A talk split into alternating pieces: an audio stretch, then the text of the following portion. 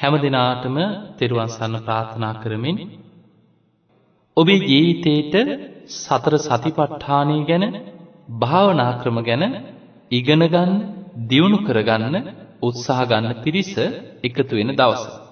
අදත් ඔබ හැම දෙනෙක්ම මේ ලැබිච්ච මනුස්ස ජීවිතය තුළ ඔබේ ජීවිතයට ඉතාම වැදගත් සතර සතිපට්ඨානය තුළින් කායානු පස්සනා භාවනා ක්‍රම ගැනයි අපි එකින් එක එකින් එක මේ එරිදා ධර්ම දේශනාව තුළින් සාකච්ඡා කරමින් ඔබට ධර්මය අහන්න සැලැස්වේ. පිංහතුනී බුදුරජාණන් වහන්සේ මේ සතර සතිපට්ඨානය දේශනා කරන්නේ දින නියම කරලා. උන්වහන්සේගේ බුද්ධ දේශනා ඇතුව ප්‍රතිඵලවලට දින නියම කරමින් දේශනා කරපු දේශනාව තමයි සතර සතිපට්ඨාන දේශනාව. ඊළං කාරණී තමයි බුදුරජාණන් වහන්සේ මේ සතර සතිපට්ඨාන දේශනාවේදී. බුදුරජාණන් වහන්සේ මේ දේශනාව හැම බුදු කෙනෙක්ම පවත්වන දේශනාව. ඒ නිසා අපි ධර්මයේ බුදු කෙනෙක් පවත්වන දේශනාවල හැම බුදු කෙනෙක්ම අත් නොහැර දේශනා කරන දේශනාවල් හඳුන්වනවා අවිදහිත දේශනා කියලා. ඒ නිසා සතර සතිපට්ඨානය කියන්නේ සෑම බුදු කෙනෙක්ගේම බුදුමුවින් වචනයක්කත් අත් නොහැර ඒ දේශනාව ඒ ආකාරයෙන්ම පවත්වන අවිදහිත දේශනාව. ඒ නිසා පිංහතුනේ මේ උතුම් ධර්ම දේශනාව තුළ බුදුරජාණන් වහන්සේ අවසානයට පෙන්නනවා මහනෙන යම් කිසි කෙනෙක් ආර්ය ශ්‍රාවකයෙක් යම් භික්ෂුවක් මේ දේශනාව මේ ආකාරයෙන්ම ප්‍රගුණ කරමින් ආතාපි සම්පජානෝ සතිම කෙලෙස්තාවන වීරියකින් යුක්තව සම්පජානු හොඳ දුවනකින් යුක්තව සතිමා මනා සිහිනුවනකින් යුක්තව සිහිය පවත්වමින් තමන්ගේ වීරිය නුවන සිහිය යොදෝලා මේ සතර සතිපට්ඨානීම හැසිරෙනවනං සතර සතිපට්ඨානී යෙදෙනවනං එයාට උතුම් මාර්ගඵල ලබාගන්න උපරිම අවුරුදු හතක් ඇති කියනවා. බුදුරජාණන් වහන්සේ මෙහෙම කාලය අඩුකරගෙන අඩුකරගෙන අඩුකරගෙන ඇවිල් අවසානය වදාලා වීරිය නුවන සිහිය දියුණු කෙනෙකුට.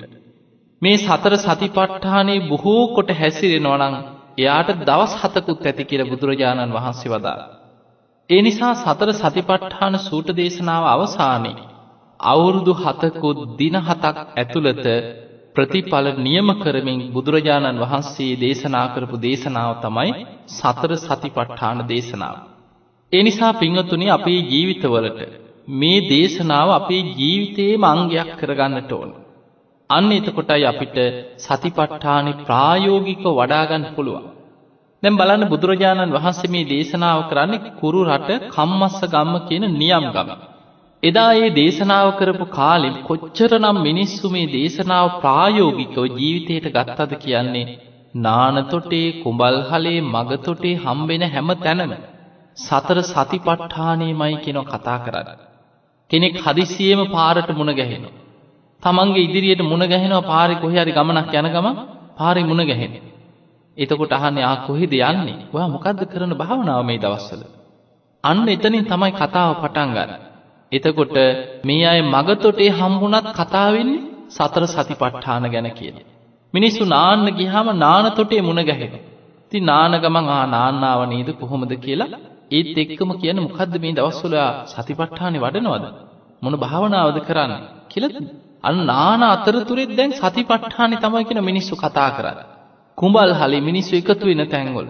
අද කඩපිල එකතු වෙන වගේ දා කුඹල් හලේ මිනිස්සු එකතු වෙලා කතා කරේ සතිපට්ඨාන ගැන. අන්නේ නිසා බොහෝ පිරිස්සකට මේ ධර්මය ප්‍රායෝගිකව ප්‍රතිඵල ලබන්න පුළුවන්කම ලැබුණ. එනිසා පින්වතුනේ සතර සතිපට්ඨානය කැනෙ සම්පූර්ණයම අපේ ප්‍රායෝගික ජීවිතයටම ගලපාගත යුතු භාවනා ක්‍රම රැසක් සඳහන් සිහිය දියුණු කරගන්න ක්‍රමවේදයක්. මේ සතර සතිපට්ඨානී තුළ අපේ කයමුල් කරගෙන. කායික ඉරියව් ඔස්සේ මේ කයේ සකස්වීම් ඔස්සේ සතර මහධාතුන්ගෙන් හටගත්ත කයි අතහස භාවේ අවබෝධ වෙන විදිහට ඒ තුළ හිත පිහිටෝල හිත දියුණු කරගන්න භාවනාකම රැසක් පෙන්න්නන. කායානු පස්සනා භාවනා යටසේ. ඒවගේ බුදුරජාණන් වහන්සේ අපේ මේ ඇස කන නාසිය දිව ශරීරයේ මනස කියන ආයතන හයේම ස්පර්සිං ඇතිවන විඳීම්. මේ වේදනාවන් ස්පර්සයෙන් හටගෙන ස්පර්සි වෙනස් වෙනකොට වෙනස් වෙන විඳීමේ ගැන හොඳට විඳීමේ ඇතිවන වෙනස්කම් ගැන සිහිය පිහිටවාගෙන අවබෝධයෙන්ම ඒ ස්පර්ශي වෙනස් වෙනකොට විඳීම් වෙනස් වෙන ආකාරය දැකීම තුළම වේදනානුපස්සනාව යටතේ තවත් වෙනම සතිපට්ඨාන කොටසක් පෙන්වන. ඊළඟට බුදුරජාණන් වහන්සේ තමන්ගේ හිත ගැන සිහියෙන් ඉඳගෙන හිතේ හටගන්න සෑම සිතුවිල්ලක් සෑම අරමුණක් ගැන හොඳ අවධානයෙන් ඉඳගෙන චිත්තානුපස්සනාව හැටියට වෙනම සතිපට්ඨාන කොටසක් පෙන්වනවා. හිත ගැන සිහිය පිහිටෝලත් සිහිය දියුණු කරගෙන සතිපට්ඨානෙ වඩන්න පුළුවන්. ඊළඟට ධම්මානුපස්සනාව යටතේ පංච නීවරණ පංච උපාදානස්කන්ධ නීවරණ ප්‍රහාණය කරන්න නුවණින් විමසනකොට ඒ තුල සතිපට්ඨානෙ වැඩෙනවා. පංච උපාදානස්කන්ධය අවබෝධ කර ගැනීම පිණිස ආයතන හයේ යථා ස්වභාවය අවබෝධ කර ගැනීම පිණිස ඒවා නුවණින් විමසමින් යෝනිසෝ මනසිකාර්යය පවත්වනකොට වැඩෙන්නේ සතර සතිපට්ඨාන ධම්මානුපස්සනාව. ඊළඟට බොජ්ජංග ධර්ම චතුරාර්ය සත්‍ය මේ සියලු කොටස් යටතේ කායානුපස්සනා වේදනානුපස්සනා චිත්තානුපස්සනා ධම්මානුපස්සනා හැටියට ප්‍රායෝගිකව අපේ ජීවිතයේ තුළ ධර්මය කරා කෙනෙක්ගේ හිතත් ප්‍රඥාවක් දියුණු කරගන්න ක්‍රමවේදය සතර සතිපට්ඨාන භාවනාව තුළ බුදුරජාණන් වහන්සේ අපිට පෙන්වනවා. පිංහතුනි ක්‍රමානුකූලව අපි මේ සීල සමාධි ප්‍රඥාවලින් යුතු වැඩපිළිවෙලක් කරා ගමන් කරන්නට ඕන. අන්න එතකොට තමයි මේ කෙලෙස් බැඳීම් වලින් කෙලෙස් ගැටවලින් ලෙහාගෙන අපිට නිවන කරා යන්න පුළුවන්කම ලැබෙන්නේ.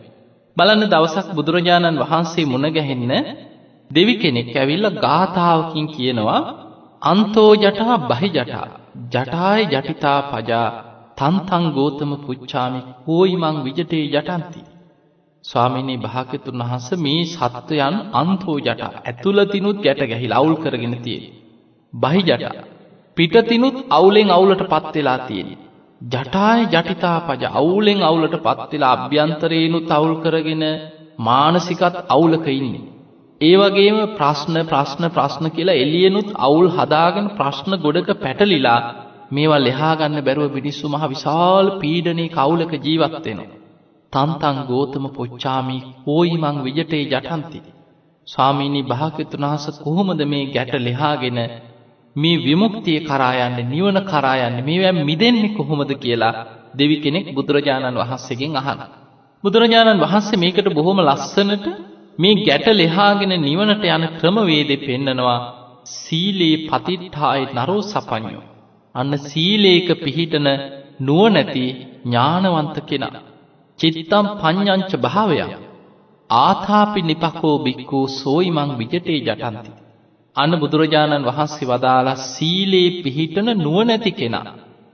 චිත්තම් පඤ්ඤංච භාවයක් තමන්ගේ හිතයි ප්‍රඥාවයි දියුණු කරගන්න. ආතාපි නිපකෝ බික්කෝ. ආතාපි කියන්නේ කෙලෙස් තවන වීරිය යුක්ත. නිපක කියන්නේ උපක්‍රමශීලී නුවණක් ඇති කෙනා. සෝයිමං විජටේ ජටන්ති. මේ සියලු ගැට ලෙහාගෙන නිවන කරා යනවා. එතකොට බලන්න බුදුරජාණන් වහන්සේගේ මේ ගාථාවෙම කැටි වෙලා තියෙන්නේ සීල සමාධි ප්‍රඥාවලින් යුක්ත නිවන් මඟ විමුක්ති මාර්ගය. බුදුරජාණන් වහන්සේ පෙන්වන්නේ සීලේ පතිට්ඨාය නරෝ සපඤ්ඤ. නුවණැති කෙනා කෙලෙස් ගැට සියල්ල ලෙහා ගන්නන.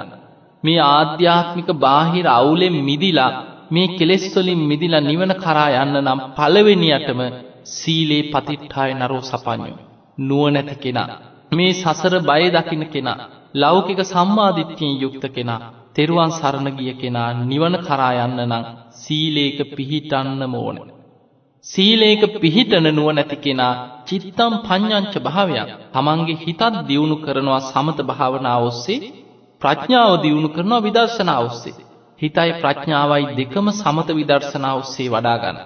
දැන් බලන්න පිංගතුනේ සීලේක පිහිටපු කෙනාට තමයි සීලය තුල දියුණු කරගන්න පුළුවන්. සීල පරිභාවිතෝ සමාධි මහත්ඵලෝ හෝති මහානිසංසෝ සීලෙන් දියුණු කරන සමාධිය මහත්ඵලයි මහානිසංසයි. සමාධි පරිභාවිතම් පඤ්ඤම් මහත්ඵලෝ හෝති මහානිසංසෝ. සමාධියෙන් දියුණු වෙන ප්‍රඥාව මහත්ඵලයි මහානිසංසයි. පඤ්ඤා පරිභාවිතං චිත්තං සම්මදේව ආසවෙහි විමුක්ඛති කියන. ප්‍රඥාවෙන් දියුණු වෙන හිත සියලු ආශ්‍රවයන්ගෙන් සියලු කෙලෙසුන්ගෙන් මිදෙනවා. එහෙමනම් සීල සමාධි ප්‍රඥා හැටියට වැඩි යුතු මාර්ගයක්. හැබැයි මේ මාර්ගයේ වඩනකොට ආතාපි නිපකෝ බික්කු කෙලෙස් තවන වීරියක් තියෙන්න්නට ඕන එහෙම නැත්නම් මග හිටිනවා. දවසක් භාවනා කරයි. දෙකක් භාවනා කර අනේ බෑ කම් මැලි කියල නතර වෙන. එක කාලයක් වේගෙන් පටන් අරගෙන කොහොම හරි නිවන් දැකින් නැතුව නම් මැරුණත් නවත්තන්න නෑ කියාගෙන පටන් ගන්නයි. අනේ සතියක් දෙකක් යනකොට ධර්මීටක් බැන බැනා යන සමහරු. එතකොට මේ වගේ සමහරුන්ට වීරිය තියෙනවා පටන් ගන්න. ආරම්භක ධාතු හැබැයි නික්කම ධාතු නෑ. එක දිගට පවත්තගෙන යන්න බෑ. පරමක්ක ධාතු තමන්ගේ නිෂ්ඨාව දක්වාම මම මේ දක්වා අඩුගානි සෝවාන් නොවී නං මේ වීරි අතහරි නෑකෙන අධිෂ්ඨානෙන් තමන්ට තියෙන්න්න ඕන මම මේ ජීවිතේ මේ ඉලක්කෙට යන ඊට පස්සේ මට අපායි මිදුනට පස්සේ එතනින් එහාට මට මේ විදිහට නිවන කරා යන්න පුළුවන්. අඩුගානි ගිහි ශ්‍රාවකයෙක් හැටියට ඔබට එවැනි ඉලක්කයක් තියෙන්න්නට ඕන. අන්නේ නිසා පිංහතුනේ බුදුරජාණන් වහන්සේ පෙනක් කෙලෙස් තවන වීරිය නිපක කියන උපක්‍රමශීලී නුවනක් තියෙන කෙන. අපිගම් මේ සමාජය තුළ ජීවත් වෙනකොට භාවනා කරන්න ගියත් නුවන පාවිච්චි කරන්න ඕන. අපිටම ඔබ දැන් සතිපට්ටානය අහලා මේ අපේ භාවනා ක්‍රම ගැන මේ දේශනාව අහලා. ඔබ නුවන නැතුව ඔබ පටන්ගන්නවා ගෙදර කට්ටිය ටීවි බලනවා දරුවෝ ඉන්නවා මුණුබුරුවෝ ඉන්නවා මේ ඉදිරියෙන් සක්මන් කරන්න පටන්ගත්තු මම සක්මන් භාවනාව කරනවා කියලා අරායට මේ දරුවට ඊවි බලනවා කොයි අය වැඩ කරනවා මේ සාලි සක්මං කරන්න පටන් ගන්න. එතකොට මොකද වෙන්නේ අන්න උපක්‍රම සීලී නුවනක් නැති කෙන. එතකොට මේ අය සමාට දරුව විහිළු කරනවා ආචිට පිස්සුද කියලා හන මොකද මේ සීයට වෙලා තියෙන කියලාහන. අන්න බලන්න කියන කට්ටිය විහිලුවට ගන්නකොට අන්න කෙනෙකුට තරහයන. මං භාවනා කරනවට මු විරුද්ධයි. මුම් මේ මාරයෝ මේ මගේ භාවනාවට එක එකව කියනවා පෞකාරයෝ කියකි හිත ඇතුළෙන් සමහර වෙලාවට අන්න දවේශයක් උපද්දව ගන්න. තමහරු තමන් තැනට සුදුසු නුවනක් නැතුව. තමන් තැනට සුදුසු නුවනක් නැතුව තැන නොතැන අඳුනගන්නේ නැතුව සමහල්ලාවට භාවනා කරන්න ගිහිල්ලා සමහල්ලාවට භාවනා රඟපාන්න ගිහිල්ල පේටන රඟපාන්න යනවන් සමහරු උසුළු විසුළු කරාට පස්සේ සමහල්ලාවට ඇතිකරගන්න ප්‍රශ්නවලින් තමන් දන්නෙම නෑබුරුවට භාවනා කරන්න කියල වැඩේ පටන්ගත් අන්තිමට දවේශය තරහ ඇති වෙලා පවුල් ප්‍රශ්න ඇති කරගෙන ලොකු අවුලකින් අවුලක් හදාගන්න. එහෙම වෙන්නේ නිපක කියන ගුණේ නෑ. බුදුරජාණන් වහන්සේ පෙන්ව ආතාපි කෙලෙස්ථාවන වීරිය තියෙන්න්නත් වන නිපක. නිපක කියන්නේ උපක්‍රමසීලී නුවනක් තියෙන් ඕන. තැනට සුදුසු නුවන තමන්ට ලැබෙන අවස්ථාව හැටියට තමන් මේ ධර්මය තමන්ගේ පෞද්ගලික දෙයක් මේ රඟපාන දෙයක් නෙමේ. ඒ නිසා තමන්ට පුළුවන් විදිහට තමන් ධර්මය දියුණු කරගන්න ඉන්න තැන ඉඳම් පියවරෙන් පියවර ඉදිරියට යන උත්සාහ කර. එවැනි කෙනා තමයි මේ කෙලෙස් ගැට සියල්ල ලෙහාගන්න. එහෙම නැත්නම් ගැට ලෙහාගන්න ගන්න උත්සාහයෙන් තව තව ගැට හදාගෙන අවුලෙන් අවුලට පත් කරගන්න. අන්නේ නිසා පිංවතුනේ ඔය කාරණාටික මුලින්ම මතකතියා ගන්න. අද අපි බලමු මේ භාවනා ක්‍රම අතර අපිට ඉතාම වැදගත්ම භාවනාව. ඒ තමයි අට්ටික සංඥා භාවනාව. අට්ටික සංඥා භාවනාව කියලා කියන්නේ අපිට අපේම ශරීරය තුළ තියෙන විරාගී නිමිත්තක් තමයි ඇට සැකිල්. බුදුරජාණන් වහන්සේ පෙන්න්න මහනම ඇට සැකිල්ල කෙන විරාගී භාවනා නිමිත්තක් කියන. හැබැයි අපේම ශරීරය තුළ තියෙන මේ ඇට සැකිල්ලම අරමුණු කරගෙන අපි කොහොමද අපේ හිත එකඟ කරගන්න. අපි කොහොමද අපේ හිත දියුණු කරගන්න කියන තැනට අපි මේ භාවනාව ගැන අත කතා කරන. පිංහතුනිය ඔබට මළමිනියක් දැක්කෝ. සමහරලාවට මළමිනියක් හිටගෙන ඉන්නවා වගේ දැක්කොත් එහෙම කුණු වෙලා තියෙන මළමිනියක් දැක්කොත් එක පාට බයක් ඇතියෙන. පිළිකුලක් ඇතියෙන. අපේ හිතමු දවස් ගානක් ගිහිල්ලක් කුණු වෙලා සැරව වැැක්කෙරෙනවා ඕජාව වැකිරෙනවා මස් කඩා හැලිච්ච මළමිනියක් ඔය හරි හිට්ටවල තියෙන. ඔබට සමහල්ලාට මහා පිළිකුලක් හැදින සමට බය වෙනවා හීනෙනුත් බයවෙන්න පුළුව. හැබැයි ඔබ ඕන තරන් දැකල ඇති ඇට සැකිලි එල්ලල තියෙන ආරාමවල. සමහර භාවන මධ්‍යස්ථානවලට ගහම ඇට සැකිලි තියෙන වීදුරු පෙට්ටිවල වගේ දාලා සමහරලාට භාවනා කරන තැන්වල ඇට සැකිල්ල තියෙන. බුදු අම්මුව ඇට සැකිල්ලක් කියලා දුවනවා දොබ. නෑ ඇට සැකිල්ල දැක්ක කියලා ඔබට ඒ පිළිකුලක් ඒ අපිරියාවක් ඒ බයක් ඇති වෙන්නේ. සමහල්ලාට ඔබ ඇට සැකිල්ල ළඟට ගිහිලා හොඳට බලනවා. මේ මෙහම තමයි අපේ ශරීරයත් ඉතින් මේ වැහිලා තිබ්බට මෙහෙමයි කියලා අපි ගිහිල්ල බලන. බුදුරජාණන් වහන්සේ පෙන්නන්නේ මේ ඇට සැකිල්ල කියන්නේ සමහල්ලාවට අපිට කෙනෙක් කිසිම හිරිකිතයක් නැතු අත් දෙකින් අල්ලන්නත් පුළුවන්. වැටල තිබ වී හොඳට මස්ලී වේලිලා. සුදු පාටට කිරි පාටට තියෙන වේලි චැටකෑල්ලක් අතින් අල්ල පැත්තකි තියන්න පුළුවන්. කොයි අරි සතේ ගිහරි මැරිල්ලා වේලිලාගේ ඇට සැකිල්ල. හැබැයි අපි මලකුණක්හි මතින් අල්ලන්නේ අපිට එක පාට අපිරිසිදු භාවයක් පිළිකුල් භාවයක් ඇතිවෙන. ඒ නිසා ඇටසැකිල්ල කියන්නේ අපේ ශරීරයේම තියෙන මේ ඇටසැකිල්ලෙ ස්වභාවය අපි විමසනකොට ඒක මස්ලේවලින් වේලිලා ගිය ඉතා පිරිසිදු භාවයට පත්වෙච්ච සුදු පාට කිරිපාට ඇටසැකිල්ලක් ඔස්සේ අපේ කයි ඇටසැකිල්ල ගැන මෙනෙහි කරන්න මෙනෙහි කරන්න ශරීරය ඇතුළෙන් බොහොම ප්‍රභාස්වර සුදු පාට ඇටසැකිල්ලක් අපිට පේන්න පටන් ගන්න. අන්නේ ඇටසැකිල්ල ඔස්සේම අපි හිත පිහිටවාගෙන අට්ටික සංඥා භාවනාව වඩන්න පුළුවන්. පිංහතුනි මේ අට්ටික සංඥාව ගැන අනුරාධපුරයුගේ බොහොම ලස්සන කතාවක් තියෙන. මේ කතාවට බැඳිච්ච පෙර ඉතිහාස කතාවකුත් තියෙන. ඒ තමයි පෙර බුද්ධ ශාසනයකදී කාශ්‍යප බුදුරජාණන් වහන්සේගේ කාලේ. ඒ බුද්ධ ශාසනය තිබ්බ කාලේ එහි පැවිදි වෙලා හිටිය කාලයක් තිස්ස පැවිදි ගුණ දහම් රැකපු ස්වාමීන් වහන්සේ නම. උන්වහන්සේ බොහෝ කාලයක් දියුණු කරේම මේ අට්ටික සංඥාවමයි වැඩි. මේ වගේ සසරේ බොහෝ කාලයක් ඇට සැකිල්ලම අරමුණු කරගෙන භාවනා කර කර අට්ටික සංඥා වඩාගෙනාව. මෙහෙම දියුණු කරගෙන එක ආත්මයක තමන්ගෙන් වෙච්ච පෙර අකුසලයක් නිසා මරණ මංචක අකුසලේ බලවත් වෙලා තිරිසංලෝකක ඉපද. තාම මාර්ග පල් ලබල නෑ පෘතජ්ජන මට්ටම ඉන්න කෙනෙක් භාවනා කරා. ඒ ආත්මෙ ගිරවෙක් වෙලා ඉපදුන. මේ ගිරා පෝතකයා මේ ගිරවා දවසක් පියාඹගෙන ඇවිල්ලා ආරාමයකට තමයි යාල. අර පෙර සසර පුරුද්ධකට ආරාමයකට පියාඹගෙනාව. ඒ වෙලාවේ අර ආරාමයට වෙලා ඉන්නකොට දැන් ආරාමයේ භික්‍ෂූන් වහන්සේලත් භාවනා වඩනවා දකින. දැන් කෑමත් දාන. දානවන්දල ඉවරලා මේ ගිරවුන්ට සත්තුන්ට කෑමත් දෙද. මේ ගිරව පුරුදුනා මේ ආරාමයටම වෙලා හර දෙන ආහාර ටිකට ලැබෙනවා අර භික්‍ෂූන් වහසලා භාවනා කරනවා සක්මන් කරනවා කමටහන් දෙනවා ඒ දිහා බලාගෙන ඉන්නවා අර පෙර සසර පුරුද්දට. හැම වෙලාහෙම මේ භික්‍ෂූන් වහන්සේලා භාවනා කරන්නේ අට්ටී අට්ටී අට්ටී කිය කිය ඇහෙනව ඇට සැකිල්ල ගැන සිහි කරන. උන්වහන්සේලා අට්ටික සංඥාමයි වඩන්න පටන්ග. මේ ගිරවටත් අර පෙර සසර පුරුදු කරපු මේ අට්ටී කියෙන සංඥාව ඔස්සේ තමන්ට පුරුදු අරමුණ. ඒ නිසා හිත මේකට පිහිටනවා අර ආරාමීම හිටිය. මෙම කාලයක් යනකොට මේ භික්‍ෂූන් වහන්සේලට බොහෝම හිතවත් කුළු පග ගිරා පැටියෙක් බවට පත්වුණු. මේ අය ඊට පස්සේ ටික ටික කතා කරවන්න පුරුදු කෙරේ. සාමානෙන් අදටත් ගිරව් ඉන්නවා වචනයක් කටපාඩන් කිරීවට පස්සේ ඒක කිය කියයි. දවසක් මේ ස්වාමීන් වහන්සේලා කියනවා ගිරවෝ නුඹ සතෙක් වුණත් දැන් නුබ ඉන්නේ ආරාමේ. ඒ නිසා නිකං ඔහොම ඉන්න එපා භාවනාවක් පුරුදු කරගන්න. තේරුණත් නැතත් කමක් නෑ හැමවෙලේම අට්ටී අට්ටී අට්ටී කියලා ඇට සැකිල්ල ගැන හිතන්නකිව ගිරවෙකුටත් ශරීර ඇතුළ තියෙනවා තමන්ට ඇට සැකිල්ල පුංචි ඇට සැකිල්ලක් තියෙන ඕනම සතකි. එතකොට සිහි කරන්න කිවම ඇට සැකිල්ල ගැන.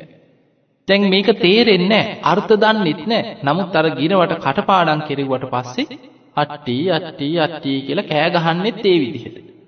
දැන් අර භික්‍ෂූන් වහන්සේලාත් අට්ටික සංඥාවමයි වඩන. ඔහොම ඉන්නකොට මේකම පුරුදු කර කර හිටියා දවසක් ගිජු ලිහිනියෙකුට ගොදුරක් වුණා. ඒ ගිජු ලිහිල්ලිය අල්ලගත්ත වෙලාවෙත් අට්ටි අට්ටි අට්ටී කිය කිය තමයි මරණයට පත්වනේ. එදා ඒ ගිරව මරණයට පත් වෙලා දිවියලෝක ඉපදුනා. දෙව්ලෝ බොහෝ කාලයක් ඉන්නලා අනුරාධපුර යුගයේ මිහිදු මහරහතන් වහන්සේ වැඩඉන්න කාලේ අනුරාධපුර යුගයේ ඇවිල්ලා පැවිදි වෙලා එහේ භික්‍ෂූන් වහන්සේ නමක් හැටියට පැවිදි වෙලා උන්වහන්සේ අර අට්ටික සංඥාමයි පුරුදු කරන්න පටන්ගත්. උන්වහන්සේගේ හිත හොඳට අට්ටික සංඥාව පිහිටිය. දවසක් උන්වහන්සේ එහෙ ඉඳං අනුරාධපුරේ ඉඳ සිතුල් පව්වට වඩින්න වස්කාලයකට උන්වහන්සේ ගමන පිටත් වුණා. මෙහෙම වඩිනකොටත් මගදිගට අට්ටික සංඥාවමයි වඩන. සක්මනෙත් ඇට සැකිල්ල ගැනම සිහිකරගෙන අට්ටික සංඥාවම මෙනෙහි කරගෙන සක්මන් කරන. උන්වහන්සේ දැන් අනුරාධපුරේ ඉඳම් මී දුර වඩිනකොට දවසක් පාරිදි මුණ ගැහුණ පාලු පාරකදී. කාන්තාවක් තමන්ගේ ඉස්සරහට කලබලෙන්ම දුවගෙනෙනවා දැක්. මේ කාන්තාව තමන්ගේ ස්වාමියය කාණ්ඩ දබර ඇති කරගෙන හන්ඩු වෙලා ගෙදරින් පැනල දුවන. ඒ වෙලාවෙ මේ ස්වාමීන් වහන්සේව මුණ ගැහුණ පාලු පාරකට. මේ හාමුදුරුවන්ව ඈතින් වඩිනවා දැක්කට පස්සේ මේ ස්වාමීන් වහන්සේ දිහා බැලුව බලලා ඉවර වෙලා සිනහවක් පහළ වුණා. දත් ටික ටිකක් විරිත්තලා දත් දත් පේන ආකාරයට hina වුණා. උන්වහන්සේ මේ කාන්තාව දිහා බැලුවෙම අට අට්ටික සංඥාවෙන්ම කවුද ඉස්සරහින් එන්නේ කියලා බලනකොටම දත් ටික විරිත්තලා hina වෙනකොට දත් ටික දකින්නකොටම සුදු පාටට අට්ටි අට්ටි කියලා එක සිහි වුණා. ඇට සැකිල්ල තමයි දැක්කේ අර දත් ටිකත් එක්කම ඇට සැකිල්ලම සැනින් අරමුණු වුණා සසර වඩපු භාවනාව. ඒ භාවනාවම මෙනෙහි කරගෙන උන්වහන්සේ අනිත්‍ය සංඥාවට හිත යොමු කරගෙන ඇට සැකිල්ල ඔස්සේම භාවනා වඩාගෙන උන්වහන්සේ ඉදිරියට වඩිනකොට ටික දුරක් යනකොට ස්වාමියා පස්සෙන් පන්නගෙන එනවා. පාරි තවත් ටික දුරක් යනකොට හම්බුණා අර ඉදිරියෙන් මුණ ගැහිච්ච මේ දුවගෙන ගිය කාන්තාවගේ ස්වාමී. ඇහුවා ස්වාමීනි මේ කාන්තාවක් එහෙම මේ පැත්තට ගියාද? උන්වහන්සේ කියන කාන්තාවක්ද කියලා නම් මං දැක්කේ නෑ. ඇටසැකිල්ලක් නම් දැක්කා කියෝ. උන්වහන්සේට මේ කාන්තාවක්ද පිරිමියෙක්ද කවුද ඒ මොකුත් අරමුණු උන්නේ අර දත් දකින්නකොටම ඒ සැනින්ම මැවිලා පෙවුනේ සුදු පාටට තමන් පුරුදු කරන භාවනා මානසිකාරයත් එක්ක ඇටසැකිල්ල තමයි අරමුණු උනේ. එතකොට උන්වහන්සේ මේ භාවනා මානසිකාරයේම අරගෙන ටික දුරක් යනකොට ඒ තුලම හිත වැඩිලා උන්වහන්සේ ඒ භාවනාවෙන්ම ඒ නිමිත්තම හිතට නංවාගෙන විදර්ශනා වඩලා උතුම් වූ අරහත්ත්වයට පත් වුණා කියලා ඉතිහාසයේ සඳහන් වෙලා තියෙනවා. එතකොට අපිට පේනවා මේ අට්ටික සංඥාව සතර ඉරියව්වෙම කරන්න පුළුවන් භාවනාව. තිට්ඨං චරං නිසින්නෝවා සයානෝවා. මේ සතර ඉරියව්වෙම අට්ටික සංඥා භාවනා වඩන්න පුළුවන්. ඒ නිසා මේ ඇට සැකිල්ල අරමුණු කරගෙන භාවනා කරද්දී ඔබට මේ භාවනාව බස් සිටිය වාඩි වෙලා ගියත් හිටගෙන හිටියත් නිදාගන්න ගිහිල්ලා හිටියත් මේ හැම ඉරියව්වකම වඩන්න පුළුවන් භාවනාව. පිංහතුනේ අට්ටික සංඥා භාවනාවේදී ඉස්සරලා ඔබ මෙන්න මේ ටික තේරුම් ගන්න. අපි ඉස්සරලා භාවනාව කරන්නේ කොහොමද කියලා ටිකක් ප්‍රායෝගික උත්සාහයක් ගත්තොත් ඔබට භාවනාව ගැන නිකම්ම තේරෙයි. කොහොමද මේක කරන්නේ? මේක බොහොම ලේසි. හැබැයි බුදුරජාණන් වහන්සේ පෙන්නනවා ඉක්මනින් හිතක් එකඟ කරගන්න පුළුවන් භාවනාව. අට්ටික සංඥාව කියන්නේ ඉක්මනින් හිතක් සමාධිමත් කරගන්න පුළුවන් භාවනාවක් තමයි ඇට සැකිල්ල මෙනෙහි කරමින් ඇති කරගන්න හිතේ ඒකාග්‍රතාවය. අපි චුට්ටක් භාවනාවක් ප්‍රායෝගිකව පුරුදු කරමු. ඔබ මේ බණහගෙන ඉන්න ඔබ ඔබ සමහර වෙලාවට වාහනයක් එලෝගෙන යන ගමන් බණහනවා නම් ඔබට මේක කරන්න බැරි වෙයි. ඔබ කන් දීගෙන මේක හොඳට විමසගෙන ඉන්න. හැබැයි වෙනත් බස් එකක වාඩි වෙලා යනකොට අහගෙන ඉන්න කෙනෙක් නම් එහෙම නැත්නම් ගෙදර වාඩි වෙලා බොහොම ධර්ම ගෞරවයකින් බණහගෙන ඉන්න කෙනෙක් නම් ඔබට මේ මොහොතේම භාවනාවට වාඩි වෙලා මෙනෙහි කරන්න පුළුවන්. එහෙනම් ඔබ ඉන්න තැන ඉඳලා හිටගෙන ඉන්න කෙනෙකුට ඒ ඉරියව්වේ ඉඳලා ඔබට පුළුවන් මේ අට්ටික සංඥාව කොහොමද වඩන්නේ කියලා ප්‍රායෝගික උත්සාහයක් අරගෙන භාවනාව කරන්න. එහෙමනම් ඔබ පහසු විදිහකට පහසු ඉරියව්වකින් ඔය ඉන්න තැන ඉඳන්ම ඔබේ හිත යොමු කරන්න මේ විදිහට. වෙන බාහිර කිසිම දෙයකට ඔබ හිත යොමු කරන්න එපා. ඔබ ඉන්න ඉරියව්ව ඔස්සේම ඔබ හිතන්න. ඔබ හිස් මුදුනේ ඉඳන් පාදාන්තයේ දක්වාම සිහි කරන්න ඉස්සරලාම ඉරියව්ව ගැන. අපි ඇටසැකිල්ල මතු කරගන්න පෙර ඉස්සරලාම ඉරියව්ව මෙනෙහි කරලා ඉරියව්වේ හිත පිහිටව ගන්නට ඕන. එතකොට තමයි අපේ හිත නොයේ කරමුණු ඔස්සේ දුවන එක නවත්ත ගන්න පුළුවන්. දැන් ඔබ හිත යොමු කරන්න ඔබේ හිස් මුදුනට. ටිකෙන් ටික පහළට සිහි කරගෙන හිසේ තියෙනවා කෙස්, නලල, ඇහි බැම, ඇස් දෙක, නාසය, තොල් පෙති, නිකට. දැන් ඔබට ඔබේ මුහුණ මුහුණේ ස්වභාවය හොඳට හිතට අරමුණු වෙලා පේනවා. ඔබ ඇස් පියාගෙන මෙනෙහි කරා ඔබ මුහුණ ගැන හොඳට හිතේ පිහිටවා ගන්න ওই විදිහට සිහි කරලා හිතේ පිහිටව ගන්න. දැන් හිත යොමු කරන්න බෙල්ලල. වම් උරහිස දිගේ සිහි කරගෙන යන වම් අතේ ඇඟිලි කෙලවර දක්වාම සිහි අරගෙන යන වම් අත දිගේ. වම් උරහිසට ඇමිනිලා වම් අත. වම් අතේ වැලමිට. මැණික් කටුව. අල්ල ඇඟිලි. ඇඟිල්ලෙන් ඇඟිල්ල ඔබ සිහි කරන්න. මහ පොට ඇඟිල්ල, දබර ඇඟිල්ල, මැද ඇඟිල්ල, මෘදු ඇඟිල්ල, සුළැඟිලි. මේ ඇඟිලි කෙලවරේ තියෙන නියපොත්. දැන් ආයමත් වං අත දිගීම උරහිස දක්වාම ආපස්සට හිතන්න ඔබ. දැන් හිතයොමු කරන්න දකුණු උරහිසට. දකුණු උරහිස දිගේ හිතාරගෙන යන්න දකුණු අතේ ඇගිලි කෙලවර දක්වාම හොඳ සීයෙන් හිතන්න. දකුණු උරහිසට ඇමනිලා දකුණු අත. දකුණු අත දිගේ පහලට යන්න වැලමිට. මැනික් කටුව. අල්ල. මහපොට ඇගිල්ල දබරැගිල්ල මැදැගිල්ල මෘදු ඇගිල්ල සුලැගිලි. ඇගිලි කෙලවරේ තියෙනවා නියපොත්. ඔබ ආපසු උරහිස දක්වාම සිහිකරගෙනෙන් දැන් හිතයොමු කරන්න පපුුවට දැන් හිතයොමු කරන්න ඉනට වං කකුල දිගේ සිහිකරගෙන යන වම් පාදී යටිපතුල් දක්වාම සිහිකරන්න වං කකුලි කලවා දනිස්ස කෙන්ඩ විලුඹ පිටිපතුල යටිපතුල පාදී ඇගිලි කෙලවරින් නිය පොතු තියෙනවා. ඔය විදිහටම ඔබ හිතන්න දකුණු පාදය ගැන. දකුණු පාදී දිගේ සිහිකරගෙන යන දකුණු පාදී කලවා දනිස්ස කෙන්ඩ විලුඹ පිටිපතුල යටිපතුල ඇගිලි. දැන් ඔබ ඉන්න ඉරියව් ඔබ හිටගෙන ඉන්නවනම් හිස්මුදුන ඉදං පාදාන්තයේ දක්වාම ඉරියව්ව මෙනෙහි කරන්න. ඔබ වාඩි වෙලා ඉන්න කෙනෙක් නම් ඔය විදිහට හිස්මුදුන ඉදං පාදාන්තයේ දක්වාම ඉරියව්ව ගැන සිහි කරන්න. ඉහලට පහලට කිහිප වතාවක් ඔබ ඉරියව් ඔස්සේම හිතාරගෙන යන. ඒකත් ඉරියාපත භාවනාවට මයිති කොටසක්. තැන් ඔය විදිහට ඉරියව්ව තුළම හිත පවත්වගෙන ඔබ මේ විදිහට හිතන්න. අපි මේ භාවනාවත් එක්කම එක පාරට මැට සැකිල්ල සිහි කරනවට වඩා අපි අසුභය පිළිකුල මේ සියල්ලත් එක්කම බැඳිච්ච ක්‍රමයක් හැටියටම අට්ටික සංඥාව මතු කරගත්තොත් අපිට භාවනා ක්‍රම රැසක් ඒත් එක්කම වැඩෙන. දැන් ඔබ හිතන්න ඔබ ඉඳගෙන ඉන්න ඉරියව්ව තුළම අපි ඔය විදිහටම අපේ ශරීරෙ අපේ හුස්ම ටික ගියෝ මිනිස්සු එහෙම නිදාගත් ඉරියව්වෙම මැරෙන පුටුවේ මරණයට පත්වෙන. අපේ හුස්ම ටික ආයුස් මාච විඤ්ඥාන ආවිසයි උණුස්සුමයි විඤ්ඥානයයි බැහැරවුණාට පස්සේ. මේ ශරීරි වැඩකට ගන්න බැරි දර කඩක් වගේ වැටිච්ච වැටිච්ච තැංගොලම දිරදිරා පස්සෙලා යන. අපි හිතමු අපි මේ ඉන්න ඉරියව්වෙම ශරීරෙ කුණු වෙලාගයා කියලා හිතන.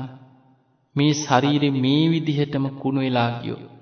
හුස්ම ටික ගිහිල්ලා ආවිස අවසන් වෙලා උණුස්සුම බැහැර වෙලා දින කීපයක් ඇතුළත මේ කය මේ විදිහටම ඉදිමිලා යන. දවස් ගානක් යනකොට තැන් තැංගොලින් පුපුරල සැරව ඕජාව වැගිරෙන්න පටන් ගන්න. තව දින කීපයක් යනකොට ශරීරයේ කුණුවෙච්ච මස් තැන් තැන්වලින් දිය වෙලා වැගිරිලා ඕජාවත් එක්කම කුණුවෙච්චලේ සැරව හැටියෙත්. ඕජාව හැටියට වැගිරිලා වැගිරිලා යන. මේ විදිහට වැගිරිලා යන මේ සම මස් මේ ඔක්කෝම කුණුවවී කුණුවවී යන. ඔබ දැන් හොඳට හිතයොමු කරලා ඔබේ ශරීරයේ දිහා බලන. ඔබ හිතන්න මේ ශරීරයේ මස් සම මේ නහරවැල් මේ ඔක්කෝම කුණුවවී කුණුවවී වැගිරිලා යනවා කියලා හිතන්න ඔක්කෝම කුණු වෙලා ශරීරෙන් අයින් වෙලා ගිය. අර හිසේ තිබ්බ කෙස් ඔක්කෝම ගැලවිලා ඒ හමත් එක්කම ඉවත් වෙලා ගිය. මූනේ ඇස්වල කම්බුල්වල බෙල්ලි උරහිස්වල අත්වල පපුයේ ඉනේ මේ හැම තැනම තිබ්බ මේ මස් ඔක්කෝම කුණුවවී කුණුවවී වැගිරිලා ගිහිල්. පෙනහලු අක්මාව බඩදිව බඩවැල් කුඩා බඩවැල් මහා බඩවැල් හිස්මොල දැන් ඔන්න ඔබට පේනවා.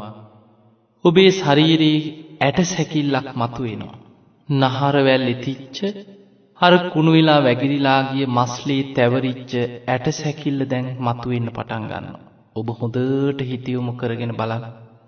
මේ ශරීරය තියෙන ඔක්කෝම මස්වලින් හැදිච්චේ ඔක්කොම කුණු වෙලා ගියා කියලා හිතන්න. මේ සියල්ල කුණු වෙලා වැගිරිලා යන. දැන් මේ ශරීරයේ පුරා ඇට සැකිල්ල පුරා වෙලිච්ච නහරවැල් පවා කුණු වෙලා කුණු වෙලා ඔක්කෝම දිය වෙලා පස් වෙලා යන. අවසානෙ දැන් ඉතුරු වෙන්නේ මස්ලේ තැවරිච්ච ඇට සැකිල්ලක් විතරයි. මේ ඇට සැකිල්ලෙත් තැවරිලා තියෙන මස්ලේ ඔක්කෝම වේලිලා වේලිලා කාලයක් යනකොට. අර මස්ලේවලින් වේලිච්ච සුදු පාට කිරිපාට ඇට සැකිල්ලක් අපිට පේන්න පටන් ගන්න. දැන් ඔබේ ශරීරයේ දිහා බලපුහම දැන් ඔබ හිතෙන් මෙනෙහි කරගෙන යන්න දැන් ඔබට තියෙන්නේ අර ශරීරයේ තියෙන මස්වලින් හමෙන් වැහිලා තිබ්බ මස්වලින් හටගත් සියලුම දේවල් කුණු වෙලා වැගිරිලා ගිහිල්ලා ඇට සැකිල්ල විතරයි දැම් මාතුළ තියෙන්නේ කියන හැඟීම තුළ ඇට සැකිල්ලෙ ස්වභාවය ගැන දැන් හිස්මුදුන ඉදං පාදාන්තේ දක්වාම ඔබ ඉන්න ඉරියව්ව ඉදං හිතන. දැන් හිත යොමු කරන්න හිස් කබල කලින් තිබ්බ මූුණ නෙමෙයි දැන්තියෙන්. දැන්තියෙන හිස් කබල දැන්තියෙනෙ නලල් කට්ට. ඇස් තිබිච්ච තැංගොල දැන්තියෙන ඇස් කුහර දෙකක් හිස් කබල. නාසයක් නෑ නාස් කුහරයක් තියෙන්. උඩු ඇන්ද දත් කීපයක් පිහිටල යටි ඇන්දෙත් දත් තියෙනවා. කම්බුල් නෑ දැන්තියෙන වලවල් දෙකක්. කං පෙති තිබ්බ තැන්වල දැන් හිස් කබල තියෙන්නේ කං සිදුරු දෙකක් විතරයි. හිස් කබල. ඔබ හිස් කබලක ස්වභාවය ඔබ ඕන තරන් දැකළ ඇත්. පින්තූරවලින් හරි ඔබ දැකපු හිස් කබල් ඇති.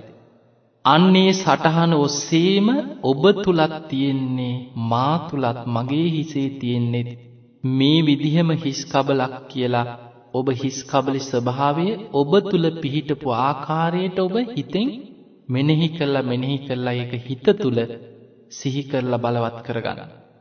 සිහි කරන්න සිහි කරන්න ඔබට හිතට වැටහෙන්න පටන් ගන්න. සුදු පාට කිරි පාටට මස්ලී වේලිලාගිය හිස් කබලක් දැන් ඔබේ මුහුණි තියෙනවා. දැන් හිතයොමු කරන්න බෙල්ලට. දැන්තියෙන්නේ පුරුකෙම් පුරුක පුරුකෙම් පුරු කැමිනිච්ච ඇට කීපයක් බෙල්ලෙතියෙන්. දැන් හිතයොමු කරන්න උරහිස්වලට උරහිස් ඇට. අත්දිගේ හිතාරගෙන යන්න කලින් තිබ්බ අත්වල මස් නහරවැල් ඇංගිලි නියපොතු මේ ඔක්කොම කුණු වෙලා ගිහිල්ලා දැන් තියෙන්නේ වේලිච්ච උන බට පතුරු වගේ අස්ති පුරුකෙම් පුරු කැමණි චැට ඇගිලි ඇට හරියට වේලිච්ච මුල් කෑලි ටිකක් වගේ.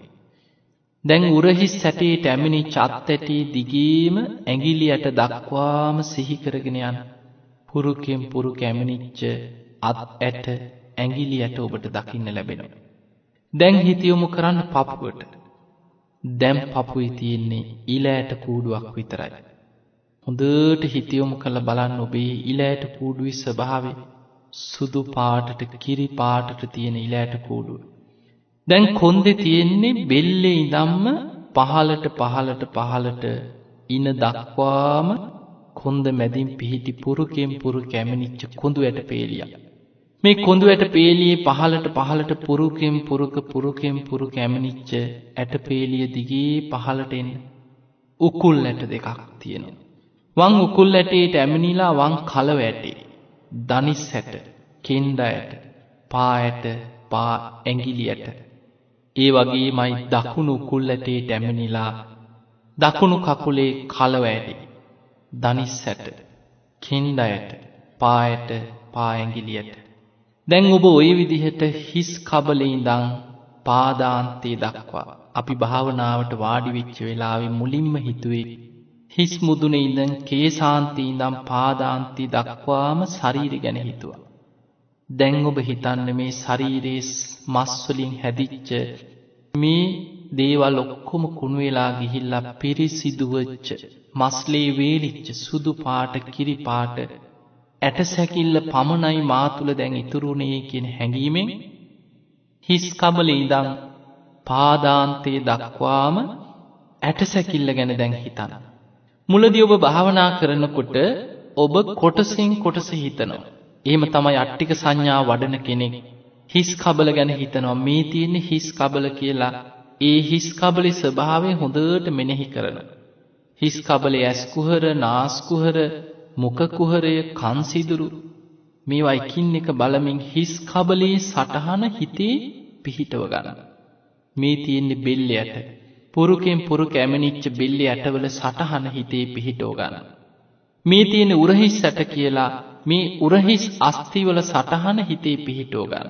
මේ තියෙන්නේ ඉලෑට කූඩුව කියලා පපුයේ තියෙන ඉලෑට කූඩුවේ ස්වභාවය හිතී සටහන් කරගන්න. මේ තියෙන කොඳු ඇට පේලි. මේ තියෙන අත් ඇට මේ උකුල් ඇට මේ කලව ඇට මේ දනිස් ඇට මේ කෙන්ඩ ඇට. මේ විදිහට ඔබ කීප වතාවක්ම හිස් කබලෙඉදං පාදාන්තයේ දක්වාම ඔබේ අස්ති ශරීරේ. ඔබේ ඇට සැකිල්ල ගැන ඔබ හොඳට හිතන. මෙහෙම සිහි කරන්න සිහි කරන්න ඔබ බොහෝ වෙලාව. නැවත නැවතත් බොහෝ කාලයක් ඇට සැකිල්ල ගැනම ඔය විදිහට සිහි කරන්න පුරුදුවෙන.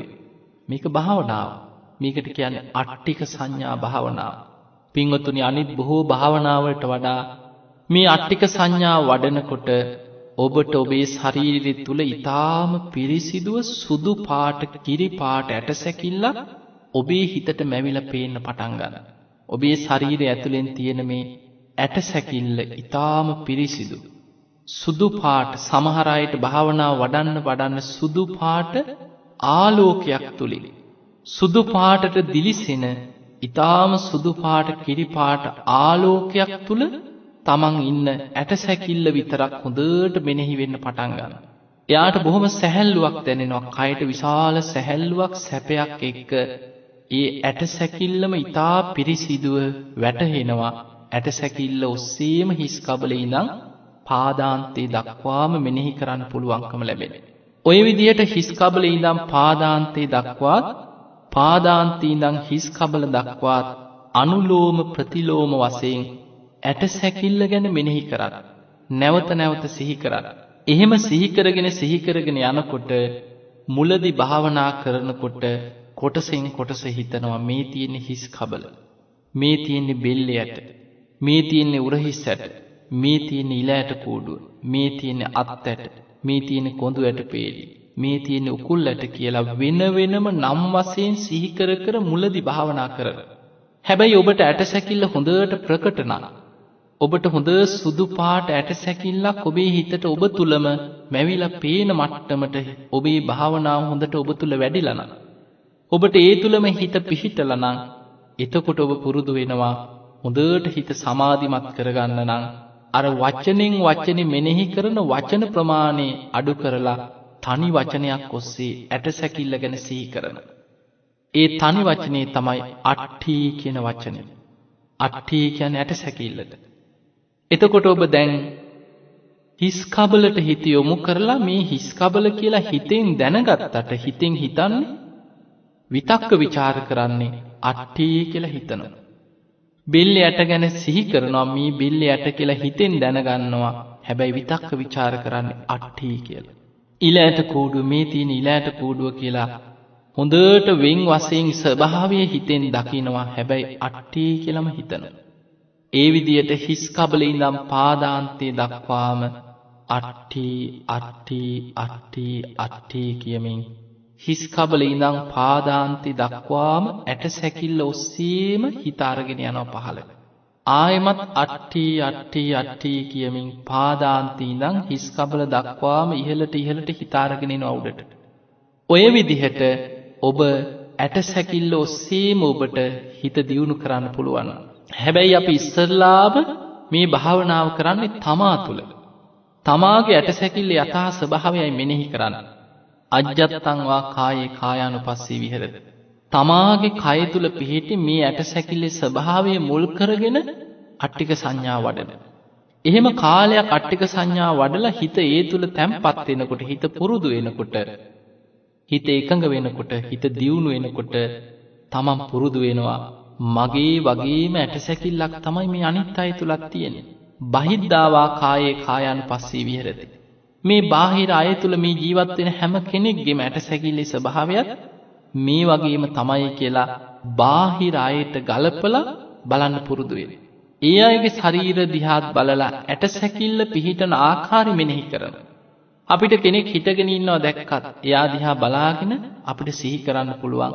මෙයාගේ මේ හිටගෙන ඉන්න මේ ඉරියව්ව තුළ එයාගෙත් තියෙන්නේ මගේ වගේම මේ වගේ සුරූපෙන් යුක්ත ඇට සැකිල්ලා. ඉදගෙන හිටියත් නිදාගෙන හිටියත් මොන ඉරියව්වෙන් හිටියත් ඒ ශරීරයේ අස්ති ශරීරය පිහිටන ආකාරය පමණක් සිහි කරමින් අට්ටි අට්ටි අට්ටි කියලා ඇටසැකිල්ල ගැන මෙනෙහි කරන්න පුළුවන්. මේ විදිහට අට්ටික සංඥා භාවනා හොඳට දියුණු වෙනකොට අන්න අජ්ජත්ත බහිද්ධාවා කායේ කායානුපස්සේ විහෙරත. තමා තුලත් බාහිර අය තුලත් මේ ඇටසැකිල්ල එකම ස්වරූපයකින්ම පවතින්නේ කියලා මේ ඇටසැකිල්ලේ ස්වභාවයම මෙනෙහි කරන. අන්න එතකොට අපේ හිත වෙන අරමුණු ඔස්සේ දුවන්නේ නැතුව ඒ තුලම හිතක් එකඟ කරගන්න සමාධියකට දියුණු කරගන්න පුළුවන්කම ලැබෙනවා. පිංහතුනි මේ ඇටසැකිල්ල මුල් කරගෙන හිත දියුණු කරගන්න මේ භාවනා ක්‍රමේ අට්ටික සංඥාව හැටියට බුදුරජාණන් වහන්සේ පෙන්නන. බුදුරජාණන් වහන්සේ වදාළ මේක විරහගේ නිමිත්තක්. අට්ටික සංඥාව කියන්නේ අපිට අපේ ශරීරය තුළම තියෙන දැන් අපිට අපේ ශරීරයේ මස්තිහා බලනකොට කුණු වෙලා යනවා කියලා සමහරට පොඩි පිළිකුල් ගතියක් ඇති වෙන්න පුළුවන්. තමන්ගෙම කෙස් රෝදා බත් එහෙක හරි කන තේ කෝප්පයකට හරි මොනවා හරි බොන වතුර වීදුරුවක හරි කෙස් ටිකක් තියෙනවා දැක්කොත් පිළිකුලක් ඇති වෙලා අපි ඒක විසි කරන. හැබැයි අපිට අපේ ඇටසැකිල්ලේ ස්වභාවය හොඳට මෙනෙහි කරනකොට ඇටසැකිල්ලේ පිළිකුල් භාවයක් නෙමෙයි අපිට දැනෙන්නේ. මේ ඇටසැකිල්ල ගැන මෙනෙහි කරනකොට බුදුරජාණන් වහන්සේ පෙන්නනවා මේ ඇටසැකිල්ල ඊටාම ප්‍රභාස්වරව සුදු පාට හොඳ පිරිසිදු ඇට සැකිල්ලක් හිස් මුදුනේ ඉඳම් පාදාන්ති දක්වාම අට්ටි අට්ටි කියලා මෙනෙහි කරන්න මෙනෙහි කරන්න. තා පිරිසිදු සුදු පාට ඇට සැකිල්ලක් අපිට අපි තුලින්ම මැවිලා පේනවා. අන්නේ ඇට සැකිල්ල ඔස්සේම ඉහළට පහළට හිත අරගෙන යනකොට ඒ තුල හිත පිහිටලා ඒ තුල හිතක් එකඟ වෙනවා. විතක්ක ਵਿਚාර ප්‍රීති සුඛ ඒකාග්‍රතාව ඇති ධානයකට සමවදින්න පුළුවන්කම ලැබෙනවා. ඒ ධ්‍යානයේ තුල අර අට්ටි අට්ටි අට්ටි කියමින් හිස් කබලින් ඉඳන් පාදාන්ති දක්වා ඇටසැකිල්ල ඔස්සේම හිත අරගෙන යන ස්වභාවයක් තියෙනවා. දැන් අපි බලමු අට්ටික සංඥා භාවනාවෙන් සමාධියක් ඇති කරගත්ත කෙනෙක්. කොහොමද ඔහු සමාධිය අඳුනගන්නේ කියලා. දැන් අපි හිතමු ඔහොම භාවනා වඩලා කාලයක් පුරුදු කරලා හිත එකඟ වෙනවා කියලා. ඒ සමාධිය තුලදී ඔහුට සමාධි අංග තියෙනවා. සමාධියට අඳුනගන්න නම් සමාධියේ තියෙන ස්වභාවයන් සමාධි අංග කියන. බුදුරජාණන් වහන්සේ පෙන්වන්නේ සවිතක්කං සවිචාරං විවේකජං ප්‍රීතිසුඛං පඨම ධානං උපසම්පජ්ජ විහෙර.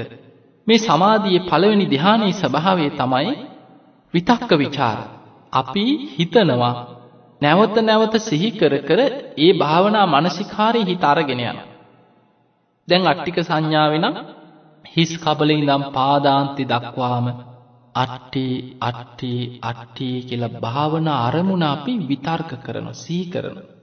විචාර කියන්නේ නැවත නැවතත් හිස් මුදුනේ ඉඳන් පාදාන්තයේ දක්වාත් පාදාන්තයේ ඉඳන් ආයමත් හිස් කබල දක්වාත් මේ විදිහට අපි අර අට්ටික සංඥා භාවනාවේම විචාර පවත්වමින් විතක්ක විචාර නැවත නැවතත් ඒක මෙනෙහි කර කර භාවනා මානසිකාරයේ හිත අරගෙන යන ස්වභාවයක් තියෙනවා.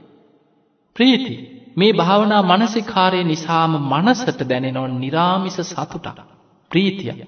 නීවරණ යටපත්වීම නිසා දැනෙන නිරාමිස ප්‍රීතියකින් හිත් පිරිලායන. සුක සුක කියන්නේ කය සැහැල්ලු වෙලා කයට ලොකූ සැපයක් දැනෙන. කායිකව බරගතිය කයේ තියෙන මේ ස්වභාවයන් කය එහෙම දැන් භාවනාව පටන් ගන්නකොට කොන්දරි දෙනවා කියයි කකුල් රිදෙනවා කියයි එහෙන් රිදෙනවා මෙහෙන් රිදෙනවා හැබැයි හිත සමාධියකට එනකොට කයි සම්පූර්ණයෙන්ම සැහැල්ලු වෙලා ලොකු සැපයක් තුල තමන් මේ භාවනා මානසිකාරි කරන්න. කයට සැහැල්ලු භාවයක් පස්සද්ධියක් සැපයක් දැනෙන්න පටන් ගන්න. ඒ තමයි සුඛ. ඒකාග්‍රතාව කියලා කියන්නේ භාවනා මානසිකාරෙම හිත පවතින. වෙනත් අරමුණු වලට නීවරණ වලට වෙන දේවල් වලට හිත දුවන්නේ නැතුව භාවනා මානසිකාරී හිත බොහෝ කාලයක් පවත්වන්න පුළුවන්. විනාඩි 15ක්ද 20ක්ද පැය භාගයක්ද පැයක්ද තමන්ට තමන්ගේ ඒ අවශ්‍යතාවයට අනුව මං අද පැයක් භාවනා කරනවා කියලා පැය තුළම අට්ටික සංඥාව ඉන්න පුළුවන් සමාධිය වඩාගත්ත කෙනෙකුට.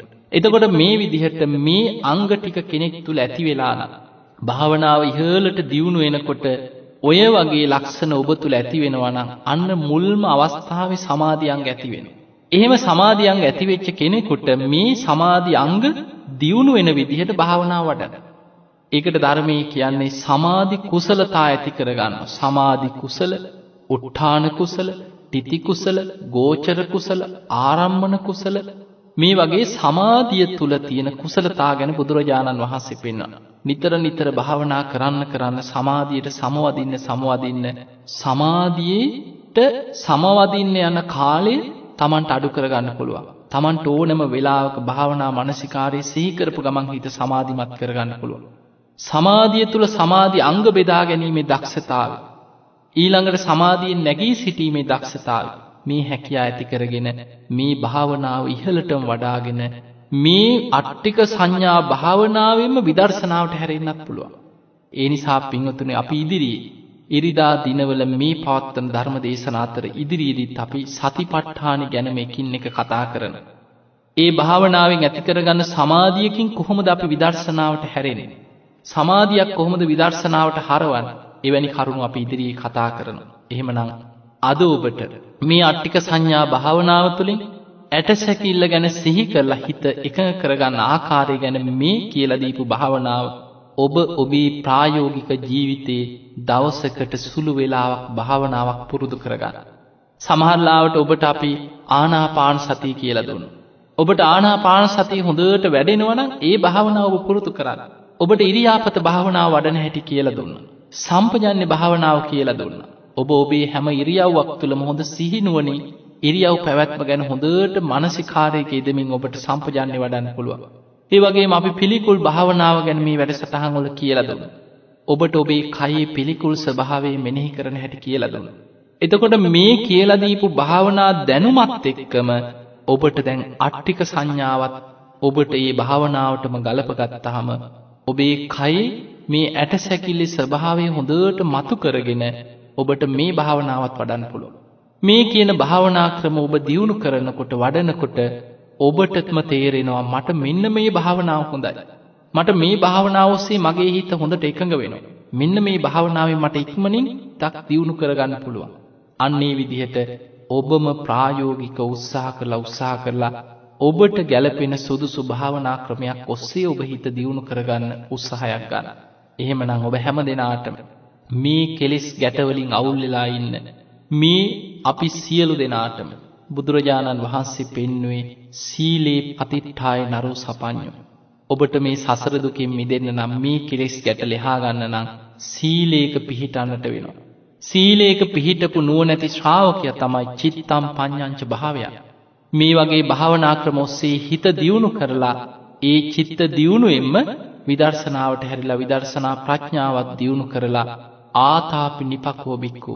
කෙලෙස් තවන වීරියෙන් යුතු උපක්‍රම සීලී නුවනක් ඇති කෙනා සෝයිමං විජටේ ජටත්ති මේ කෙලෙස් ගැට සියල්ල ලෙහාගෙන නිවන කරායනවා. එහෙමනං ඔබ හැම දෙනාටම සීල සමාධි ප්‍රඥා දියුණු කරගෙන කෙලෙස් තවන වීරියකින් යුක්තව මේ භාවනාවන් ප්‍රායෝගිකව ජීවිතයට ගලපගෙන. හොඳ නුවනකින් මේ කෙලෙස් ගැට ලෙහාගෙන නිවන් අවබෝධය කරාම ඔබේ ජීවිතයේ දියුණු කරගන්න ඔබ හැම දෙනාටම වාසනාව ලැබේවා ලැබේවා ලැබේවා කියලා අපි ඔබට ආශිර්වාද කරන. අද මේ උතුම් ධර්ම දේශනාවෙන් අපි රැස් කරගත්ත සියලු පින සියලු දෙවියන්ට අනුමෝදන් කරමු. දෙවියෝ මේ පින් දැක බලා අනුමෝදන් වෙත්වා. දෙවියන්ගේ දිව්‍ය අස්ස ඉසුරු වර්ධනය කරගෙන සියලු දෙවියෝ වහවහා සසර දුකින් අත මිදේවා කියලා සාදු කියලා දෙවියන්ට පින් දෙන්න. ආකාසට්ඨාචුබෝ මට්ඨා දීවානාගා මහිද්దికා පුඤ්ඤන්තං අනුමෝදිත්වා චිරන් රක්칸තු ලෝක සාසනං ආකාසට්ඨාචුබෝ මට්ඨා දීවානාගා මහිද්దికා පුඤ්ඤන්තං අනුමෝදිත්වා චිරන් රක්칸තු දේශනං ආකාසට්ඨාචුබෝ මට්ඨා දීවානාගා මහිද්దికා පුඤ්ඤන්තං අනුමෝදිත්වා චිරන් රක්칸තු ත්වං සදා හැම දිනාටම සම්මා සම්බුදු සරණයි.